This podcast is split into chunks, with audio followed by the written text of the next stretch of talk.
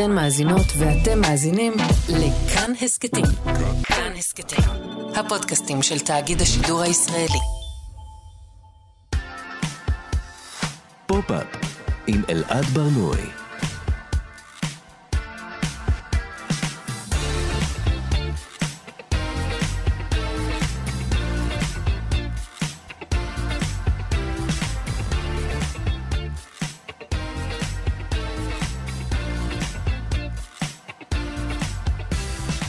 שלום, בוקר טוב, כאן תרבות, אתם על פופ-אפ. בכל שבוע אנחנו מדברים כאן על התרבות שמעניינת באמת. כל יום חמישי בשעה 10 ב-105.3 ו-104.9 FM.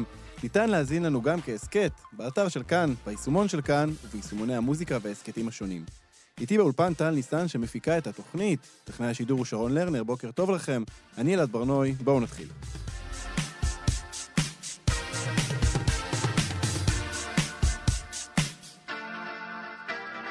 קולוניאליזם. כפי שהבטחנו בשבוע שעבר, היום אנחנו הולכים לדבר על קולוניאליזם. נמשיך את השיחה על אבטאר. אנחנו ננסה להבין האם הסרט הזה הוא באמת אנטי-קולוניאלי, סרט שמאלני, כפי שכינה אותו בשבוע שעבר חבר הכנסת שמחה רוטמן, או שלמעשה הוא משכפל את אה, היסטוריית המערבונים האמריקאית. נדבר גם על המושבה הקולוניאלית הגדולה בעולם, ארצות הברית, על האופנים השונים שבהם היא מתמודדת עם פשעי העבר שלה, ועל הסיבות שבגללן עדיין אין בתרבות הפופולרית ייצוגים אמריקאים ילידיים של ממש. וגם למה מכל הז'אנרים דווקא המדע הבדיוני עוסק בקולוניאליזם. בואו נצא לדרך. פופ-אפ עם אלעד ברנועי. בואו נדבר על קולוניאליזם. בשבוע שעבר עסקנו בממד הפוסט-הומניסטי בשני סרטי אבטאר, אבל הקריאה הקלאסית בסרט היא כזו שעוסקת בקולוניאליזם. ב-13 השנים שעברו בין שני הסרטים, נראה שלא מעט השתנה, ולשם אנחנו הולכים להיכנס עכשיו, ואיתנו כדי לעשות את זה הסופרת, החוקרת והמתרגמת זוהר אלמקיאס. שלום זוהר. שלום אלעד. זוהר, את uh, צפית בשבילנו בשני הסרטים, שזה סך של כמעט שש שעות של אבטר, אז קודם כל תודה רבה. um, עד כמה הממד הקולוניאליסטי נוכח לדעתך בכל אחד מהסרטים? Um, אני חושבת שהוא נוכח uh, בצורה אדירה, uh, אבל אולי יותר כפנטזיה מאשר כ... מחקר היסטורי, או אפילו מדע בדיוני שמבוסס על ראייה היסטורית. Mm, באיזה אופן? מה הכוונה פנטזיה? Uh, לתחושתי שני הסרטים הם סרטים סופר אנתרופולוגיים. עכשיו, יכול להיות שאני אומרת את זה פשוט כי אני אנתרופולוגית, ומה שמלמדים אותנו זה לראות בהכל את עצמנו, uh, כמו כל uh, דיסציפלינה נרקיסיסטית באקדמיה, אבל, uh, אבל אני חושבת ששני הסרטים מאוד מאוד סוגים באיזשהו רעיון שהוא רעיון אה, יסודי אה, באנתרופולוגיה קלאסית קנונית, ורעיון ש, שהוא כרגע נמצא תחת המון ביקורת באנתרופולוגיה העכשווית, וזה הרעיון של going native. Mm. אם הסרט הראשון שואל can you go native, הסרט השני אולי שואל how many times can you go native. וואו, אז, אז, אז מה זה אומר בעצם to go native? אז קודם כל חייבים להגיד שנייטיב זה מילה שאנחנו כבר לא משתמשים בה כדי לדבר על בני אדם בצורה כזאת. כן. אנחנו נגיד היום אינדיג'נס, אה, אבל הרעיון הוא אנשים שהם ילידים, אנשים שהם בני המקום שאליו מגיעים או שאותו חוקרים. אה, והרעיון של going native הוא רעיון די יפה ומורכב שמהדהד בהמון יצירות תרבותיות, אה, שמדבר מצד אחד על איזושהי תשוקה של הזר, החוקר, הפולש, הכובש, אה, להידמות אה, לאנשים האמיתיים והאותנטיים של המקום אה, שאליו הוא מגיע, ומצד שני האימה או האזהרה הכמעט מוסרית הזו שאם אתה תתקרב אליהם יותר מדי, אם אתה תידבק אליהם יותר מדי, אתה אולי תאבד את האנושיות שלך, כשאנושיות כאן מוגדרת כמובן כתרבות מערבית, mm. ציוויליזציה מערבית אפילו, זו מילה ש, שמשתמשים בה בהקשר הזה. אה, אז זו גם אזהרה כזו, אה, וגם אה, איזושהי פנטזיה או תשוקה של הזר. Mm, אז עכשיו, בסרט הראשון אנחנו רואים את בני האדם, אמריקאים, ממש הופכים את עצמם, כלומר, באופן הכי, הכי לא מטאפורי שיש. הם הופכים את עצמם ליצורים הכחולים במטרה גם אולי להידמות להם. כלומר, יש את האנתרופולוגים בסרט שבאמת אולי חוק, מעניין אותם לחקור, להידמות, להשתלב, אבל הם גם בעצם רוצים לקחת מהם משהו. כלומר, הם באים לקחת ממש באופן הכי הכי מילולי שיש, משאב יקר שיש להם, שזה החומר הזה, האובטניום. אז ה-going native הזה, הוא, הוא, זו משאלה שיש מאחוריה גם איזושהי, איזשהו רצון להשיג משהו מעבר לפנטזיה הפנימית הזאת? כן, זו לגמרי גם... אה, זה לגמרי גם תהליך כלכלי בעצם, כלומר בגלל זה זה כל כך אה, עורר את הדיון הספציפי על אה, קולוניאליזם, כשמדובר על קולוניאליזם שעושה extraction, כלומר גזילה של משאבים, חילוץ של משאבים מידי המקום שאליו האומה הזרה הזאת מגיעה, אבל כן חשוב להגיד שבסרט הראשון הפנטזיית going native של האנתרופולוגים מוצגת כמשהו שאומנם הם עובדים כחלק מאותה זרוע כמו הצבא, אבל הם אה, מוצגים שם כאידיאליסטים כאלו, נכון. שמאוד אה, רוצים להתנגד לאלימות הצבאית של האומה האמריקאית. ובמציאות הגבולות הם הרבה יותר מטושטשים. כלומר, מיותר, מיותר אולי לומר זאת, אבל לצבא האמריקאי למשל יש אנתרופולוגים שעבדו בעיראק ובאפגניסטן בזמן המלחמה. וואו, זה לא מיותר. בכלל לומר. כלומר, בסרט אנחנו רואים את האנתרופולוגים יושבים באותו מתקן צבאי, שזה איזשהו סוג של שיתוף פעולה שמתישהו הוא, הוא, הוא נהרס בסרט הראשון, אבל מה שאת נכון. מתארת הוא משהו הרבה יותר, כלומר, ממש מעסיקים אותם בשביל שיעשו את זה. כן, זה, זה לחלוטין, כלומר, אנתרופולוגיה הלכה יד ביד עם צבא אה, מראשיתה, והיא עדיין עושה את זה, למרות שחייבים להגיד שהשיח דומיננטי בתוך אנתרופולוגיה כיום הוא שיח שהוא מאוד אה, אנטי-קולוניאלי. כן. אמ, אבל אני חושבת שמה שמעניין אה, זה שבסוף הסרט הקודם ראינו את הפנטזיה הזו של ה-going native קורית בצורה מושלמת. כלומר, נכון. האדם בכלל איבד את הגוף הקודם שלו, איבד את הצורה הקודמת שלו, אה, והפך להיות הנייטיב. ועוד דבר שמעניין לומר זה שבסרט הראשון, אה, וגם במידה מסוימת בסרט השני, מדברים על, ה, על אנשי הנאבי אה, לא כעל אה, מין ביולוגי אחר מבני אדם, אלא כעל גזע. Mm. הם ממש משתמשים, הקולונל שם ממש משתמש בביטוי racial memory, כאילו הזיכרון הגזעי שלהם, הזיכרון שלהם כגזע. וזה אני חושבת משהו שעוד יותר שולח אותנו לעולמות הקולוניאליזם אה, הפנים-אנושי, בוא נגיד. כי כשהוא אומר גזע, זה בעצם נשמע לנו כאילו יש בני אדם, יש בני נאבי, יש בני אדם בצבע כזה, כלומר זה כזה, כמו שיש אולי שחורים, אז יש גם כחולים. נכון, וזה לגמרי גם מייצר uh, מיד היררכיה. כלומר, אנחנו מורגלים uh, כיום, כשאנחנו שומעים את המילה גזע, uh, אני מקווה לזכור uh, שגזע זה פחות עניין ביולוגי ויותר עניין סוציולוגי. כן, כלומר, המילה גזע ישר מעלה גזענות. אה, בדיוק. בתפיסה. אז רגע, אז, אז האמת שזה מעניין הדבר הזה, כי דיברנו על, על אה, going native, כלומר, על הניסיון כן. להפוך להיות אה, אה, אה, היליד. היליד. אה, היליד. אה, יש גם מערכת יחסים הפוכה, נכון? כלומר, גם, גם היליד מנהל איזושהי מערכת יחסים עם ה, עם ה... נקרא לזה עם הכובש בסיטואציה הזאת, נכון? הוא מסתכל עליו, הוא, הוא מנסה, מה, להילחם בו, לחקות אותו, להפוך להיות הוא? נראה לי שבסרט, במציאות אנחנו עדים לספקטרום מאוד מאוד רחב של אה, תגובות אה, למפגש הקולוניאלי משני הצדדים. אה, אבל כן מושג שאולי יכול להיות לנו רלוונטי כאן זה המושג הזה של חיקוי קולוניאלי, של mm. הומי בבא, שמדבר על האופן שבו המפגש הקולוניאלי מנסה לכונן את ה...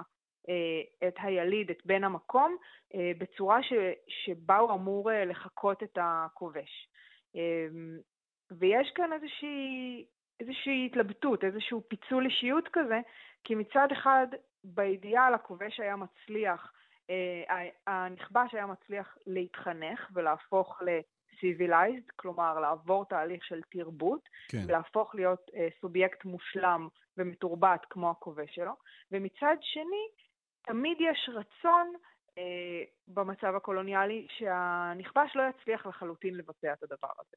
כלומר, יש איזושהי שאיפה לכישלון שם, כי אם הוא לחלוטין יצליח, אז הכובש יאבד את העמדת עליונות שלו עליו גם. זה, זה גם... זה מין מצב בר... מורכב כזה. ברגע גם שהנכבש אה, מתחיל לחקות את התרבות של הכובש, נקרא לזה, במקרה הזה האמריקאים, יש, נוצר כאן איזה מצב אבסורדי כזה, נכון? כי זה פתאום נראה מוזר, זה נראה לא מתאים. כלומר, משהו לא מסתדר עד הסוף במבטא, משהו נראה קצת מלאכותי, וזה מעורר אי נוחות אה, אצל כולם, וגם במידה מסוימת, אני חושב, אצל הכובש, שהוא רואה פתאום שמישהו אחר עושה בדיוק את מה שהוא עושה, ואולי זה נראה מגוחך בדיוק כמו שזה נראה מגוחך אצלו.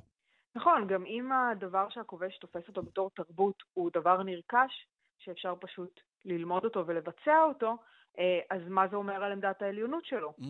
אז, אז למה שבני אדם יהיו עליונים על בני אדם אחרים, אם כולנו יכולים ללמוד את אותם הדברים ולעמוד על אותה קרקע? וואו. עכשיו, אמרת על זה שבסרט השני יש איזה ממד של going native עוד פעם ועוד פעם ועוד פעם, למה הכוונה? אז uh, אני חושבת שעכשיו, uh, אחרי שבסרט הראשון uh, ג'ייק הראה לנו שמה שצריך uh, בשביל להפוך להיות נייטיב uh, פעם ראשונה זה רק uh, כוונות טובות וקצת אהבה, אז בסרט הזה הוא going native again, הפעם בתוך העם, uh, בתוך העם הנאבי, כלומר, הוא הופך להיות שוב מנאבי של היערות לנאבי של הים.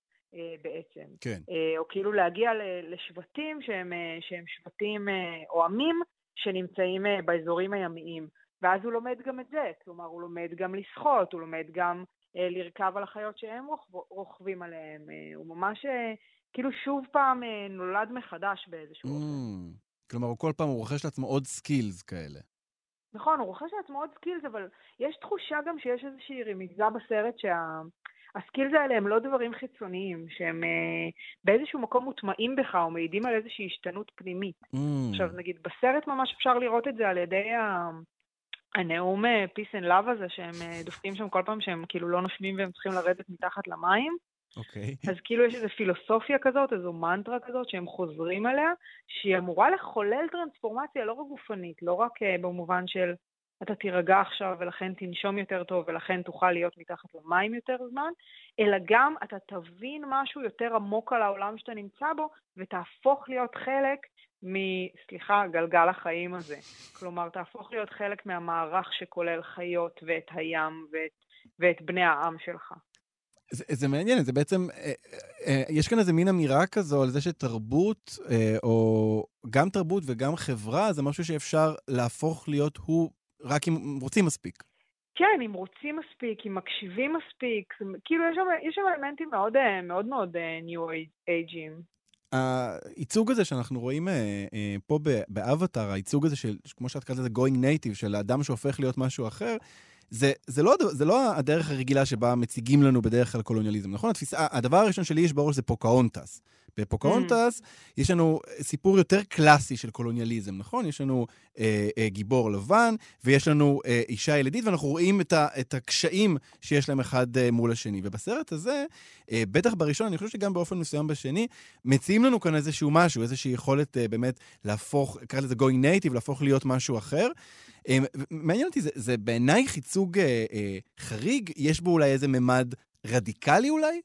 Um, וואו, זו מילה שאני נורא נזהרת אה, להשתמש בה, אה, וגם אני חושבת שבסרט השני הייתי מאוד מאוכזבת מהמימד הזה שבאמת, אה, באמת זה היה מלחמה בין שני גברים בסגנון של סרטי אקשן, הרבה יותר מאשר אה, הסרט הראשון, שיש בו מורכבות, אה, מורכבות אנתרופולוגית, בואו נקרא לזה, בכל המרכאות הכפולות שיש בעולם, אה, קצת יותר, אה, קצת יותר עמוקה. אה, אני לא חושבת שזה בהכרח סרט כמו שהיינו חולמים אה, על דה-קולוניזציה. אה, אני יודעת, אני יודעת שאוהבים כאילו לחלום את החלום הזה, אבל... כן, אבל... אולי צריך להגיד, גם אה, חבר הכנסת אה, שמחה רוטמן אמר שבוע שעבר, זה עורר הרבה שיח, שזה סרט שמאלני, כי זה סרט שכאילו קורא לאיזושהי דה-קולוניזציה. נכון, אבל הוא גם אמר ששר הטבעות זה סרט ימני. נכון, גם את זה הוא אמר. אמ, את, את מסכימה עם האמירה הזו? כלומר, את חושבת שזה סרט שבאמת מנסה לחתור למקומות האלה? אני לא יודעת, כאילו, אם אנחנו, אני חייבת להיות לשנייה, סליחה, מרקסיסטית, אם אנחנו שנייה לוקחים צעד אחורה מהתעשייה שהסרט הזה הוא חלק ממנה, מאוד קשה לי להגיד שזה סרט שקורא לדה-קולוניזציה. כן. כלומר, באיזשהו מקום זה סרט שעושה איזשהו אה, תבנות אה, מאוד מאוד כללי ומאוד בלתי מזיק של המצב הקולוניאלי. כדוגמה הכי פשוטה, אפשר לקחת את זה ש... אה, שהעם החדש שאנחנו נחשפים אליו, אנשי הים שאנחנו נחשפים אליהם בסרט הזה, הם איזה מיקס מאוד מאוד פרובלמטי של, אה, של מאורים ושל קריבים, mm. אה, מבחינת הסממנים הפיזיים שלהם והמבטא שלהם והתווי פנים שלהם. כאילו, בוא נגיד שיש הרבה הרבה הרבה תפיסות גזעיות שבוודאי נכנסו לתוך האלגוריתם או האנימטורים שייצרו את העם הזה. גם השבט הנאבי מהסרט הראשון, הקלאסי, הקלאסי נקרא לזה, הקלאסיקה. הם, מאוד, הם, הם מאוד מבוססים על, על אפריקאים, נכון? ממש גם במראה, גם במבטא, ממש זה, זה, זה כמו פשוט גרסה כחולה של, בסופו של דבר, כן, גזע שאנחנו מכירים מכאן. נכון, ועם, ובסרט הזה עוד יותר אה, דוחפים לנו את זה לגרון, כי הפכו את כל העצמות לרסטות גם. אה, וגם יש לנו ככה, ככה בחור לבן עם רסטות שיזכיר לנו איפה אנחנו נמצאים מבחינה תרבותית, איפה אנחנו ממוקמים. אמ, זהו, אנחנו ממש אה, צריכים לסיים, אה, אבל אני כן רוצה לשאול אותך משהו כזה. עברו 13 שנים בין שני הסרטים. בסרט הראשון, המניע לפחות של ההגעה של בני אדם לכוכב הזה, לפנדורה, הוא באמת, כמו שאמרנו בהתחלה, המשאב, האובטניום. הם רוצים לבוא, לקחת משם את החומר הזה שהוא מאוד מאוד יקר, וללכת חזרה. בסרט השני, כן. המניע הוא אחר. הם, הם בעצם באים כי הם רוצים לאכלס אה, את האדמה שנמצאים עליה האנשים האלה, ה, לא אנשים, יצורים האלה, ולנשל אותם משם. הם, מה את רואה במעבר בין שני הרצונות האלה? אז תראה, הצורה הקלאסית של, של מה שהיה בסרט הקודם זה באמת אה, צורה של, אה, של קולוניאליזם אה, אה, שמבקש לנצל ולחלץ משאבים, כשחלק מהמשאבים הם גם בני האדם. כלומר, אם הסרט היה טיפה מפתח את זה יותר, אני לא הייתי מופתעת אם היינו רואים שבסרט הראשון גם מנסים לשעבד את בני הנאבי, mm. לחלץ בעצמם את האופטניום הזה, כן. כמו שקרה למשל עם בלגיה בקונגו והגומי. כן. אמ, אבל, אבל בסרט הזה אז יש באמת איזה פרמיס או איזה רעיון ראשוני של קולוניאליזם התיישבותי, כלומר המחשבה שה... אומה הזרה תגיע, והיא בסופו של דבר גם אה, תחליף את האוכלוסייה הילידית. כלומר, אין יותר צורך אה, באוכלוסייה הילידית, אה, והמטרה היא למחוק אותה תרבותית וממש פיזית, אה, ובמקום זה ליישב את המקום הזה אה, אה, בזרים האלו שמגיעים. גם בסרט הזה יש איזשהו אלמנט של אה, ניצול משאבי טבע, כשיש את הלוויתנים הנהדרים האלו, נכון. שבמקרה גם יש להם את סוד אה, חיי הנצח, אה, דימוי שאני באופן אישי מאוד, אה, מאוד אהבתי. כן. אמ, אבל כאילו באמת הרעיון היא כאילו, הוא כאילו להכין את הקרקע אה, לבואם של בני האדם. אבל חשוב להגיד שבאופן שבו אנחנו רואים את העולם כיום, אלה מאיתנו שמתעסקים בדברים האלה, אז זה לאו דווקא שתי צורות שהן בלתי קשורות או בלתי חופפות, ויש היום ברחבי העולם כל מיני צורות של קולוניאליזמים שיש להם סטים שונים ומשתנים אה, ומורכבים של מאפיינים, ובעיקר מה שיש, וזה משהו שהסרטים האלה עדיין לא מתעסקים בו, ואולי אבטר 3, אם הם לא החליטו לעשות אבטר עידן הקרח, שזה כאילו, ברור לי שזה מה שהם הולכים לעשות, אם הם לא החליטו לעשות את זה, אז יש מצב שאבטר 3, מה שהם יתעסקו בו, זה פחות כאילו הרגעים ה... הסקסיים המצטלמים טוב האלו, אה, של אה, פיצוצים באוויר ונשים אה, צועקות על, על מותם של בני עמם, ויותר להתעסק באפקטים הממושכים, העמוקים, של מה שהמפגש הקולוניאלי יוצר, כלומר במורכבויות הנפשיות והתרבותיות והכלכליות, שנותרות אה, אחרי המפגש פיצוצים הזה. אבל זה כאילו באמת הפנטזיה שלי על סרט אנתרופולוגי מעמיק של שלוש שעות, אולי עדיף שאני אראה דוקומנטל. טוב, יש, יש עוד כמה סרטי אבטאר שג'יימס קמרון uh, התחייב אליהם, נקווה שאולי uh, נראה משהו מזה באחד מהם. זוהר אלמקיאס, סופרת, חוקרת, מתרגמת, תודה רבה לך על השיחה הזאת. פופ-אפ עם אלעד ברנועי. דיברנו על קולוניאליזם התיישבותי, settler colonialism, כלומר, קולוניאליזם שבו המתיישבים החדשים לא רק לוקחים את המשאבים של הילידים, אלא גם מגרשים אותם מהאדמות שלהם, או מגבילים את שטחי ההתיישבות שלהם. אחת הדוגמאות הבולטות לקולוניאליזם התיישבותי היא ארצות הברית, שבה הבריטים אה, נישלו את האמריקאים הילידים, נייטיב אמריקנס, מהאדמות שלהם. הפצע הזה נוכח עד היום בתרבות האמריקאית, אבל אולי לא כפי שהיינו נוטים לחשוב. ואיתנו כדי לדבר בדיוק על הדבר הזה, דוקטור אלי קוק, ראש המרכז לחקר ארה"ב באוניברסיטת חיפה. שלום אלי. שלום.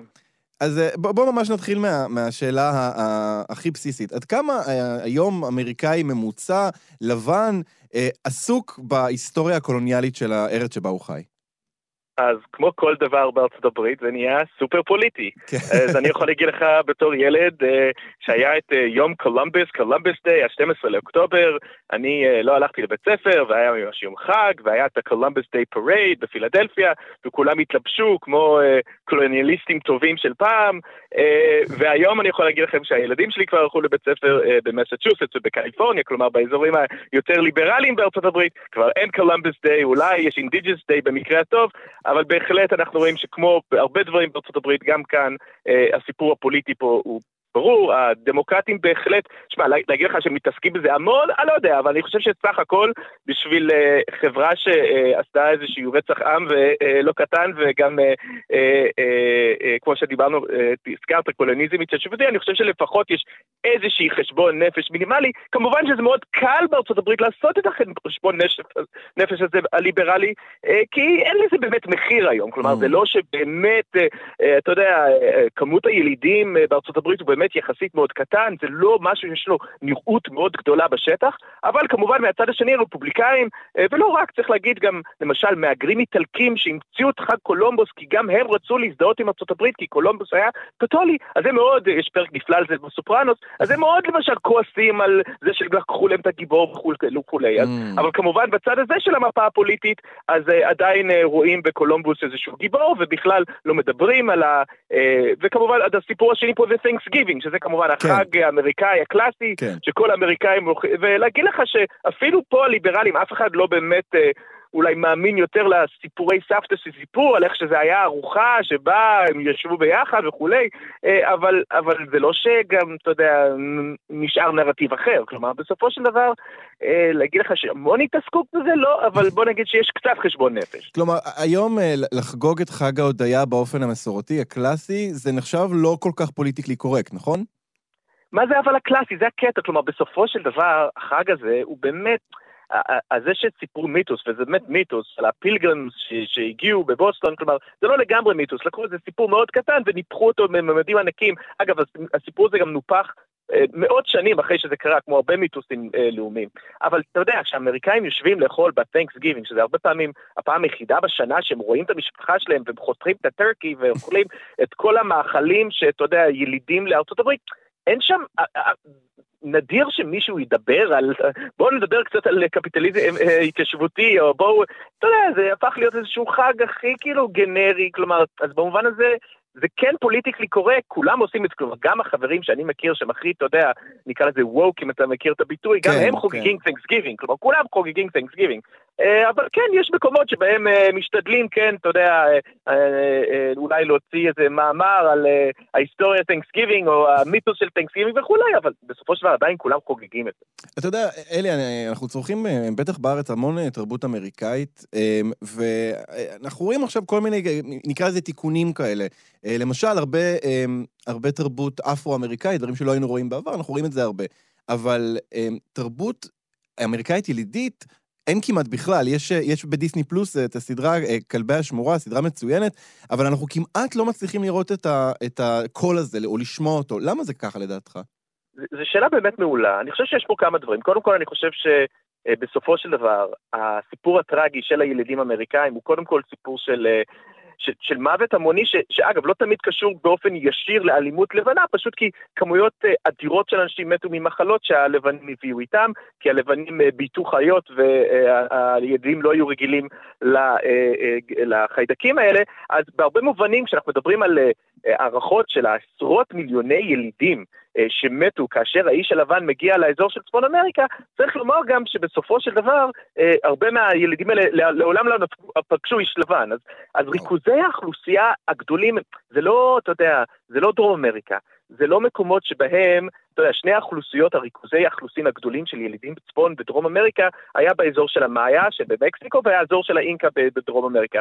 הברית אמנם היו, בצפון אמריקה היו אמנם המון ילידים בכל מקום, אבל יחסית המספרם שלהם היה קטן, הריכוזי האכלוסין האלה היו יחסית קטנים, אז לכן הנוכחות שלהם היום, פשוט מבחינה גם מספרית, וגם כמובן יש את הסיפור המוכר של שמי ה-19, שדוחפים את כולם ל-reservations כאלה, כמו חיות, ושם אה, הרבה מהם אה, מתמכרים לאלכוהול ויש להם בעיות, ואז הפתרון הקפיטליסטי האמריקאי הקלאסי זה בוא ניתן להם קסינואים, כלומר, אה, אוי, לקחנו לכם את האדמה והרסנו לכם את התרבות, אבל הנה, רק לכם מותר להקים קסינואים. אז לפעמים אמריקאים מכירים אותם בסרטים, וגם ישראלים בטח כאלה שיש להם את הקזינואים, אבל היום שהימורים בארצות הברית נהיה חוקי בכל מקום, אז גם זה קצת נלקח מהם. אבל בסופו של דבר אני חושב שהתשובה היא שיחסית למשל, לסיפור של השחורים וכולי, אנחנו, אני חושב שחלק גדול מזה זה ריכוזי אוכלוסייה, אוכלוסייה מאוד מאוד נמוכים יחסית. Mm, עכשיו, אם אנחנו הולכים צעד אחורה, עוד לפני שהקול הילידי האמריקאי נשמע, איזה מין ייצוג היה לדמות, ה, הם קראו לזה אינדיאנית, היום זה, זה, זה כן. לא תקין פוליטית לומר, אבל איך, איך הצטיירה הדמות הזאת? אז קודם כל, כמו תמיד בארצות הברית, ובכלל כשהלבנים פוגשים את הילדים האלה, הם, הם הופכים את כולם לאותו, אתה יודע, כולם אותו דבר. כאשר אנחנו יודעים שיהיו הבדלים אדירים בין השבטים האחרים השונים שהיו אה, במה שהיום אנחנו קוראים לו ארצות הברית. היה את הקומנצ'יס שהפכו להיות אימפריה מדהימה.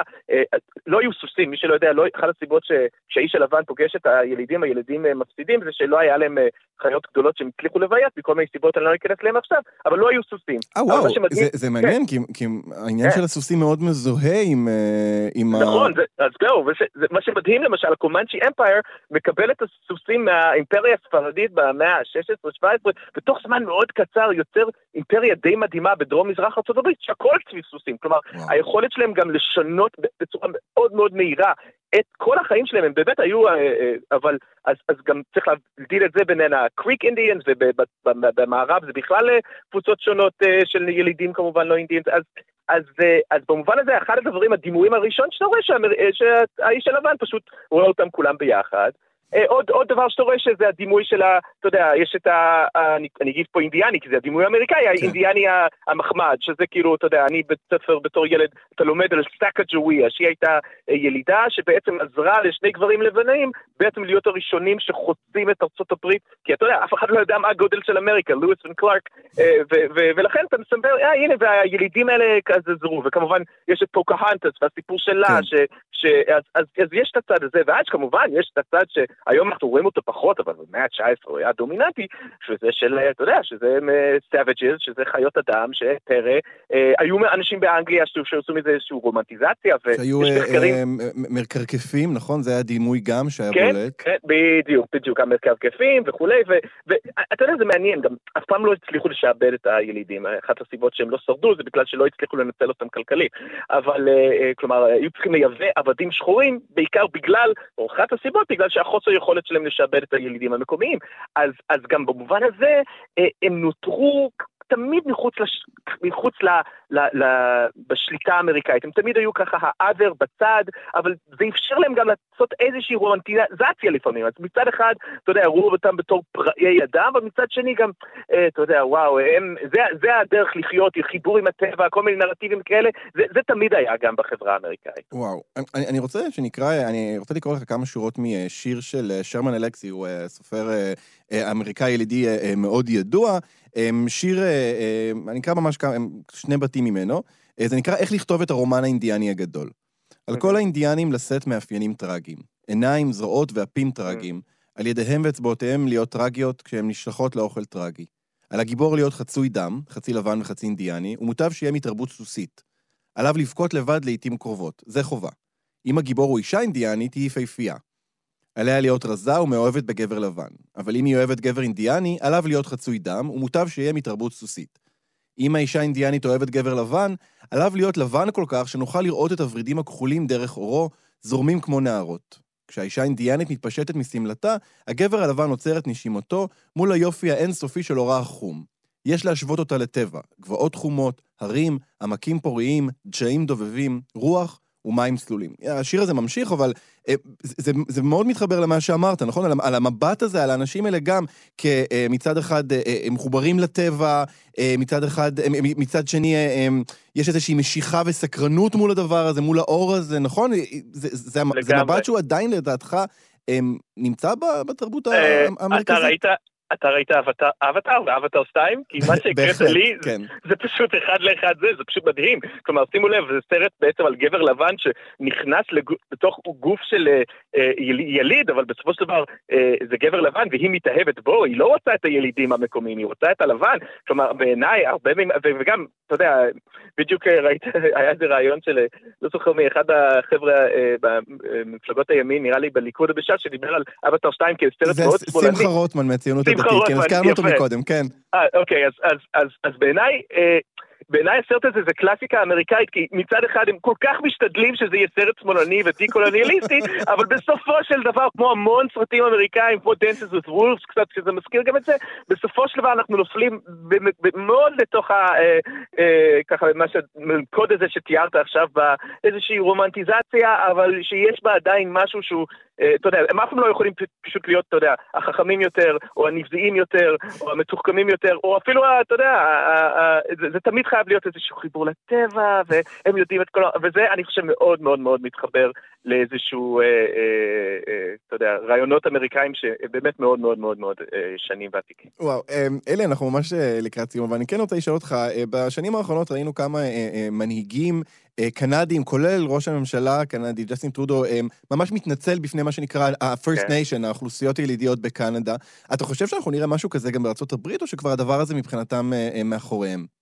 אז, אז ספציפית אני חושב שהסיפור הזה באמת סיפור מחריד, שאם אני זוכר נכון, מצאו ממש קברי אחים מטורפים בבתי כן. יתומים, ואנחנו מדברים על אירועים שקרו בתוך המאה ה-20, ואגב, אני בטוח, בטוח, בטוח שהיו אירועים כאלה בארצות הברית. אני רוצה לחזור לנקודה, כי אני חושב שיש עוד עניין פה, שאני עכשיו קלטתי.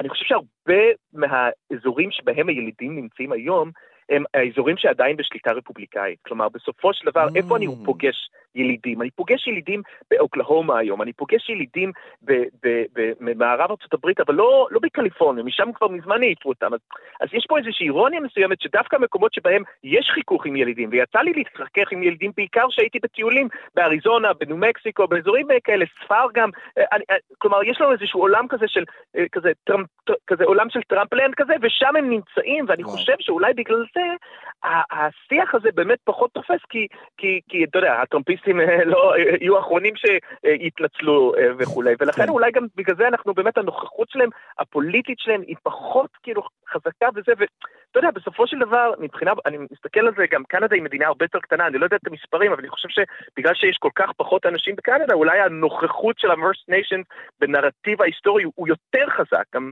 בסופו של דבר בקנדה לא הייתה עבדות, אז הם לא, אין להם את כל ההתעסקות עם השחורים, שזה כמובן בהרבה, בהרבה מובנים בארצות הברית, כובשת כזה, שואבת כל התשומת לב. כן. אז בסופו של דבר אני אגיד בקצרה, לא, אני לא רואה שום מצב שג'ו ביידן קם ב Columbus Day הבא ומתנצל כלפי אה, אה, הילידים או משהו כזה בזמן הקרוב. טוב, תמיד אפשר לפנטז על קנדה.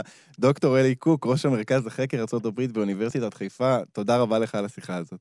בכיף, בכיף, יאללה ביי. פופ-אפ עם אלעד ברנועי. התחלנו את התוכנית עם אה, אבטאר שמתרחש בכוכב פנדורה, אבל זו ממש לא הפעם הראשונה שבה המדע בדייני עוסק בקולוניאליזם שמתרחש בכוכב אחר. למעשה, נראה שיותר מכל ז'אנר אחר, המדע הבדיוני אה, עסוק בקולוניאליזם, בספרות, בקולנוע, בטלוויזיה, מחולית אה, של פרנק הרברט ועד סטארט-טרק, ואנחנו ננסה להבין עכשיו למה. ומי שתעזור לנו עם זה היא העורכת ומחברת הרשת התרבותית נועה מנהיים. שלום, נועה. שלום. נועה, התיאור שלי נכון? יש הרבה קולוניאליזם במדע הבדיוני? אה, יש הרבה מאוד קולוניאליזם במדע הבדיוני, אה, אבל אפשר אה, להבין למה כשאנחנו חושבים לרגע על הפלח בזמן שבו הז'אנר הזה בעצם מתחיל להיווצר, והמרחב שבו הוא בעצם מתגבש, כי אנחנו מדברים על ז'אנר שעוסק בקדמה, כן? אחד המאפיינים הראשוניים שלו זה נוכחות של קדמה, אמונה בקדמה, אה, והתקופה שבה הוא אה, מתחיל אה, כאמור להתגבש היא התקופה של האימפריאליזם והקולוניאליזם בשיאו במאה ה-19, והאמונה שמסע האדם הלבן הוא להביא את הקדמה שלו אל כל אותם גזעים נחותים יותר ברחבי mm. העולם. אז משם לשאת את מסע האדם הלבן לכוכבים זה רק רק צעד אחד קטן. ובדרך כלל במסע הזה, בני האדם שמגיעים לכוכבים האחרים, הם כמו שאמרת, הם, הם בדרך כלל ה colonizer, נכון? הם מתיישבים, זה לא מדובר על סיטואציה אה, שבה מגיעים מכוכב אחר ליישב כאן את הקרקעות הבתוליות. אה, ובכן. אה. אה, אז אפשר לחלק, נקרא לזה נרטיבים של קולוניאליזם במדע הבדיוני לשניים, שאחד הוא באמת הקולוניאליזציה, סליחה, אה, של כוכבים אחרים, כמו למשל ברשומות מן המאדים של ריי ברדבורי, אה, שבו אה, בני אדם מיישבים את המאדים, וגם מאחר ואסון גרעיני משמיד את האנושות על כוכב האם שלנו, על כדור הארץ, אין להם ברירה כמעט אלא להישאר במרחב הזר הזה. כן. אבל מנגד יש לנו, ובעיקר לפני מלחמת העולם הראשונה, וגם לאחרי המופעים של מה שנקרא ספרות פלישה, כלומר, אמ, סיטואציות שבהן פולשים אל כדור הארץ, ומשעבדים אותנו. Mm. עכשיו... אחת הדוגמאות הבולטות היא אה, סדרת הספרים של אוקטביה באטלר, כן. אה, שעוסקת בנרטיב הזה, אבל אפשר לחשוב על, אה, לא יודעת, היום השלישי, אם אנחנו רוצים דוגמאות פופולריות ומוכרות יותר. אפילו אפשר להתייחס לסדרת סרטי המטריקס בתור סוג של ספרות פלישה כזו, או אומנות פלישה כזו, כן? שבה אה, כוח זר מגיע ומשעבד אותנו. ששם זה בעצם הרובוטים, פשוט לא, נכון, לא, לא אה, גזע. נכון. עכשיו, לגבי החלק הראשון, הז'אנר, נקרא לזה הנתיב הראשון שדיברתי, רשימות מן המאדים למשל, אלה ספרים שהם בדרך כלל, יש בהם איזושהי מידה של, אה, נקרא לזה אפילו אשמה, נכון? כלומר, אנחנו מדברים על, על, על פשעים אה, שעושים כלפי אה, גזע באיזשהו אה, כוכב אחר, ואנחנו משתמשים בזה בשביל לדבר על פשעים שנעשים כאן על כדור הארץ, נכון? בהחלט, וכאן נגיד אחת הדוגמאות הכי יפות, הכי עצובות ושוברות לב, היא העולם כיער של אורסולה לגוויין, הסופרת האהובה עליי, שהשם בעברית שלו לא מצליח ללכוד את היופי והמשמעות של השם באנגלית, שהוא The word for the world is forest. וואו. כן, שם יש קולוניזציה של פלנטה שכולה יער ומרד של הגזע המשועבד אה, על הפלנטה הזו אה, בכובשים שבעצם מגיעים לכרות את היערות שלו ולקחת את משאבי הטבע שלו. ש- שצריך לומר, אפשר לומר שיש הרבה השראה אה, של אבטאר מהספר הזה, נכון? זה לא, זה לא יהיה מרחיק לכת לומר את זה. נכון, למרות ששם היצורים הם זעירים יותר מהאדם ולא גדולים יותר נכון. מהאדם, אבל, אבל כן, זאת אומרת, יש שם את המין הפראים האצילים האלה, אה, והאדם שמגיע לשם מביא איתו את ה, מה שנקרא manifest destiny שלו, כן, הייעוד שלו, להכניע את כל החיים אה, ביקום אה, ולהשתמש במשאביו כרצונו. והם הפראים האצילים הטיפוסיים, אפשר לקרוא להם. אה, במקום הזה אפילו אני מודה שלגוויין חוטאת מעט בדידקטיות, וכמו גם הרבה מהטקסטים שעוסקים בקולוניזציה של האדם על פלנטות אחרות. אה, ויכול להיות שזו הסיבה לכך שאנחנו לא רואים הרבה מאוד טקסטים כאלה היום. זאת אומרת, הז'אנר אולי הפך להיות אה, מורכב ורב גוני יותר, ופחות עסוק ב... פשעים של העבר ויותר בפשעים שנבצע בעתיד או שאנחנו מבצעים בהווה. כמו למשל אקלים, נכון? גם אפשר לראות שבסרטים בהחלט. של אבטאר יש, יש תנועה לכיוון הזה של עיסוק באקלים אה, ולא אה, אה, קולוניאליזם, אבל אני כן רוצה לשאול, בעצם... אשמה, אני רואה שהיא, או עיסוק בפשעים זה משהו שהוא מרכזי במדע הבדיוני. מה, מה את חושבת? זה, זה, זה, זה מין ניסיון להרחיק את הדבר הזה מאיתנו ולדבר על זה במקום אחר? זה, זה דרך שיותר נוכל לדבר, אה, אה, לעסוק בדברים בלי שזה יהיה נפיץ? כי אם אנחנו מדברים עכשיו על כוכב של יצורים כחולים, אז אנחנו לא פוגעים באף אחד, אנחנו מדברים על איזה משהו תיאורטי, וכל אחד יכול לקחת משם מה שהוא רוצה. כן, מדע בדיוני הוא תמיד אה, ניסיון לעשות איזושהי אקסטרפולציה. כלומר, הוא לא באמת מדבר על העתיד אה, ולא מנסה לחזות אותו, אלא מנסה לדבר על העבר וההווה במונחים שההרחקה שבהם אה, תאפשר לנו אולי לראות את ההיסטוריה ואת ההווה שלנו, את ההיסטוריה והפוליטיקה, אפשר להגיד, אה, מפרספקטיבה אחרת ו- ולהבין אותה. אמ, אבל אני חושבת שלצד האשמה אפשר להציב גם את אה, נושא הקורבנות, mm. בעיקר בסיפורים שבהם פולשים אלינו. יש ספר מאוד מאוד מעניין של דיוויד היגינס, שנקרא Reversed Colonialism. Wow. Science Fiction, Imperial Fantasy and Alt Victimhood. שם ארוך מאוד, אה, קולוניאליזם הפוך, מדע בדיוני, אה, פנטזיה אימפריאלית והאלט קורבניות. והוא אה, עוקב אחרי טרופים שעוסקים בפלישה אלינו, כן, של הכנעה של תושבי כדור הארץ, שואל למה תמיד מי שמכניעים אותו זה הלבנים, כלומר משעבדים תמיד את המערב, או בעיקר את המערב, ושסיפורים מתרחשים במערב, אה, וזה בעצם להפוך את כל הנרטיב הקולוניאליסטי על ראשו, כלומר אנחנו כבר לא, אה, אנחנו כבר לא אשמים, אנחנו כבר לא הפוגעים, אנחנו כבר לא אלה שלקחו, אנחנו אלה שלוקחים מהם, וואו. אנחנו אלה שאותם משעבדים, אה, וממש כדרך לעשות גירוש עדים כמעט של פשעי העבר שלנו, ולהתחיל לתפוס את עצמנו כקורבנות ולא כהמקרבנים. זה, זה מדהים איך, איך, איך ה, משהו על ציר ההיסטוריה, הזיכרון הזה שמאפשר לנו להלקות את עצמנו על, על איזשהו פשע, הוא נורא נורא קצר. זה לתקופה קצרה כזו שבה אנחנו, את יודעת, אנחנו אומרים כחברה, וואו, בואו רגע נלקה את עצמנו על מה שקרה, ומיד הלאה אנחנו עוברים לזה שאנחנו עכשיו הקורבן. כן, וזה בדיוק הדינמיקת ימין-שמאל הזו שאנחנו מכירים כל כך טוב, של אה, אה, נמאס לנו באיזשהו רגע לשאת את מסע האשמה שלנו, אה, ומהר מאוד אנחנו יכולים לצייר את עצמנו כקורבנות של כוח גדול מאיתנו, בכדי אה, להצדיק איזשהו סוג של דרוויניזם קוסמי. כן, כאילו שכל היקום כולו בנוי על העיקרון הזה של החזק משעבד את החלש, וכשאנחנו היינו חזקים זה מה שעשינו, ועכשיו אנחנו חלשים ומשעבדים אותנו, וזה כאילו עושה את זה, הופך את זה להיות uh, סביר והגיוני, mm. וממרק את הפשעים שלנו, כי אנחנו מעבירים את עצמנו איזושהי מין uh, ויה דלרוזה משלנו, uh, כדי להרגיש טוב יותר עם הפשעים שאנחנו עצמנו ביצענו.